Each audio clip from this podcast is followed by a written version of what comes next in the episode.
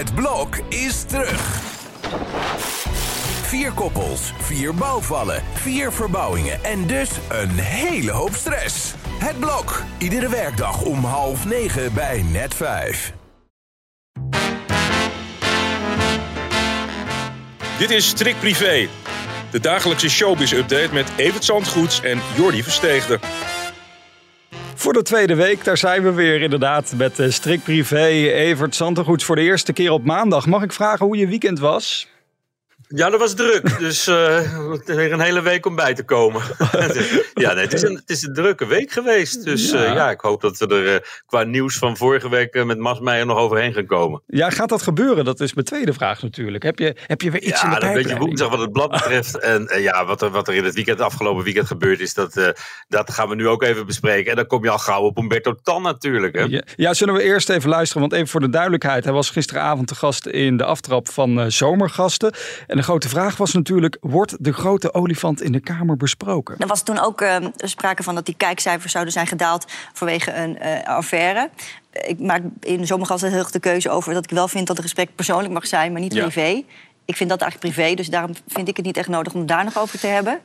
Ik weet niet of jij daar nog iets over wil zeggen. Nou, ik zal eens alles vertellen. Nee. Nee, nee, nee. nee maar dan en, en heb plus, je dat gezegd. Plus dat, dat, plus dat verhaal, ja. dat, dat, die, kijkcijfers, dat was daarvoor al ja. dalen, hadden daling ingezet. Dus dat had daar niet zoveel mee te maken. Ja, dat mensen niet denken dat ik dat gemist heb. Nou, ik vond dat een beetje flauw, eerlijk gezegd. Want die affaire die speelt toch gewoon zo'n grote rol in zijn carrière. Die, die kun je toch niet laten liggen in zo'n gesprek? Ja, dat lijkt me wel. Vanaf het moment dat we dat onthulden destijds... is dat uh, het gesprek van de dag geweest in Nederland. Ja. En hij heeft er altijd uh, heel erg moeilijk over gedaan. Hij heeft eigenlijk nooit wat over willen zeggen. Hij beschouwt het als privé. Maar ja, als, als het dan gaat over het stoppen van je programma... ik kan toch niet anders constateren... dan dat dat wel degelijk van invloed is geweest. Zelf ja. zegt hij, de kijkcijfers die waren al aan het zakken dus... Ja. Maar het was toen ook Angela de Jong de privéonthulling over ging nemen en daarover bezig bleef in haar column. Ja, het was toch wel een enorme aanslag op zijn imago. Wat ja, altijd de, de, de geweldige huisvader was geweest. En wat vanaf dat moment duidelijk was dat hij dat toch niet altijd uh, was. Bijna ja. 2 miljoen mensen hebben dit gezien. In ieder geval een gedeelte van, van zomergasten. Mm. Gemiddeld hebben er meer dan een half miljoen mensen gekeken. Dus het is echt wel een programma wat wat losmaakte. Hij was een succesvolle gast, vond ik. Maar hij had wel iets, uh, ja, iets, iets, iets openhartiger mogen zijn over die grote kwestie. Doordat jij dat naar buiten hebt gebracht hè, in, in maart 2017 was dat, voel jij je dan ook een beetje medeverantwoordelijk voor het stoppen van RTL Late Night? Nee, mensen zijn verantwoordelijk voor hun eigen daden. Ja. En uh, wij, wij signaleren slechts dat hij weg was bij zijn gezin. Dat was hij al op dat moment. Ik heb dat huwelijk ook niet kapot gemaakt. Nee. Of, dat, of die relatie in ieder geval. Hmm. Dat heeft hij voor het grootste deel zelf gedaan. En om daar in zo'n belangrijke uitzending nou helemaal aan voorbij te gaan. Dat vond ik inderdaad een beetje melig. Ja, ik vond, ik vond het persoonlijk ik vond het gewoon flauw. Maar goed, even, er is één verhaal, Evert. Dat kunnen wij hier in deze podcast, vind ik ook niet onderbelicht laten. Er was op een gegeven moment in die affaire dat Humberto bezig was met Dionne. Er was één opmerkelijke move die hij maakte, Humberto. En dat had ook met jou te maken. Iets met waar jij woonde, toch? Nou ja, hij kwam bij mij wonen. Dus normaal gesproken zeg ik altijd: het nieuws komt niet naar je toe. Maar in dit geval wel. Mijn zwager die stond met hem in de lift met Dion Staks. Terwijl alle fotografen naar ze op zoek waren. Dus uh, ja, in dat geval had hij wel. Uh, hij wist het wel trouwens. Dus het was uh, het, het, het getuigt van zijn overmoed van dat moment. Dat hij dacht: van nou, ik ga gewoon daar wonen. Ja, ja toevallig. daarna is hij daar dan weer weggegaan bij jou in het pand. En toen is hij bij Jan Uriot, onze collega, in het appartementencomplex gewoond. Dat is ja, serieus. Onvoorstelbaar verhaal. Het is echt te toevallige woorden. Maar ja, hij wil het er niet over hebben en nee. wij moeten ook weer door, lijkt me. Maar tot slot hierover, heb, hoe is jouw contact dan nu met Humberto? Heb je hem nog ooit gezien en gesproken hierover, of niet? Heel wonderlijk, want we wonen helemaal niet zo ver van elkaar af. Nog steeds niet. Maar ik kom hem nooit tegen ergens. En hij heeft me ook nooit meer voor zijn programma uitgenodigd. Dus ik geloof wel dat er nog enig oud-zeren te, te ontdekken valt. Hmm. Goed, zometeen uh, gaan we het uh, hebben over uh, André Hazes. Want moet hij zich zorgen maken nu er een artiest bezig is om zijn repertoire over te nemen? Maar eerst even terug naar afgelopen vrijdag. Want uh, ik liep hier uh, de studio uit met jou. En al snel kwam het grote nieuws daar. Dat, dat Peter Gillis zou zijn opgepakt vanwege een mishandeling. En nu is nog steeds de grote vraag. Wat is hier nou van waar of niet waar?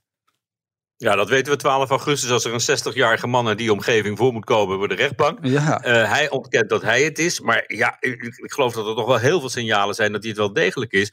En dan lijkt gewoon alles in je kop in het zand steken en alles maar ontkennen. Niet de manier om hiermee om te gaan. Maar ja, hij is niet op andere gedachten te brengen dat hij zal toegeven dat er wel degelijk iets is voorgevallen. Hij zegt keihard, ik ben het niet, het is onzin, code rood, ik ga er ook niks over zeggen. Ja. Maar uh, ja, 12 augustus gaan we zien welke 60-jarige man er vastgezeten heeft op het politiebureau van Helmond, notabene, ons Helmond. Ons, ons Helmond, om, is hij uh, ja.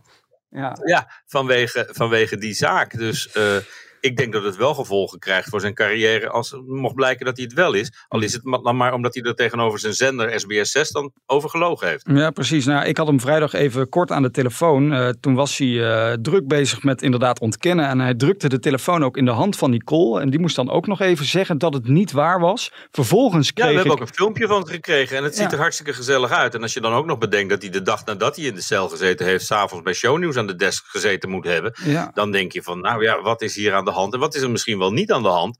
Maar uh, ja, op 12 augustus nogmaals wordt dat pas duidelijk. Ja, hij is bezig met zijn imago uh, te beschermen. Maar dit kan ook wel eens uh, zijn kop gaan kosten, vrees ik zo. Dan Evert, ja, ik zei het al. André Hazes, moet hij op gaan passen eigenlijk? Nou, hij is onlangs op de hoogte gebracht van het feit dat zijn, uh, zijn hit Leef, hè, zijn grote doorbraak, een, een nieuwe versie krijgt, een Spaanse versie. En dat dat een, uh, uh, ja, ja, een kans maakt wel een, een, een, internationale hit te gaan worden. John Paul, die zingt het. Mm -hmm. En we hebben een fragment, hè, we kunnen het laten horen. Yo te digo, pibe, como no existe otro día, pibe, como no siempre querías. Vive y celebra la vida y baila, baila, baila, baila. Ik vind het dan zo leuk om jou eindelijk eens een keer te zien dansen hier achter de microfoon. Ja, dat is ook. John Paul Chacon, die heeft van uh, Leef Vive gemaakt. Ja. En uh, ja, ik geloof niet dat André op dit moment uh, behoefte heeft aan een buitenlandse carrière. En de schrijvers van zo'n liedje, die willen natuurlijk wel dat het een internationale hit wordt. Want ja, dat, dat doet de kassa rinkelen als dat zou gebeuren. Dus ik weet niet hoe André erop gereageerd heeft. En of hij het zelf al gehoord heeft. Maar we hadden net de primeur. En uh, ja, het, het, klinkt wel lekker. Het is wel een mooi zomersnummer wat het internationaal best goed zou kunnen gaan doen. Ja, Evert, we zijn er weer doorheen. Zo is dat. Nou, dan zijn we er morgen weer. Dat is het leuke van een dagelijkse podcast. Om 12 uur op telegraaf.nl. Tot dan. Tot morgen.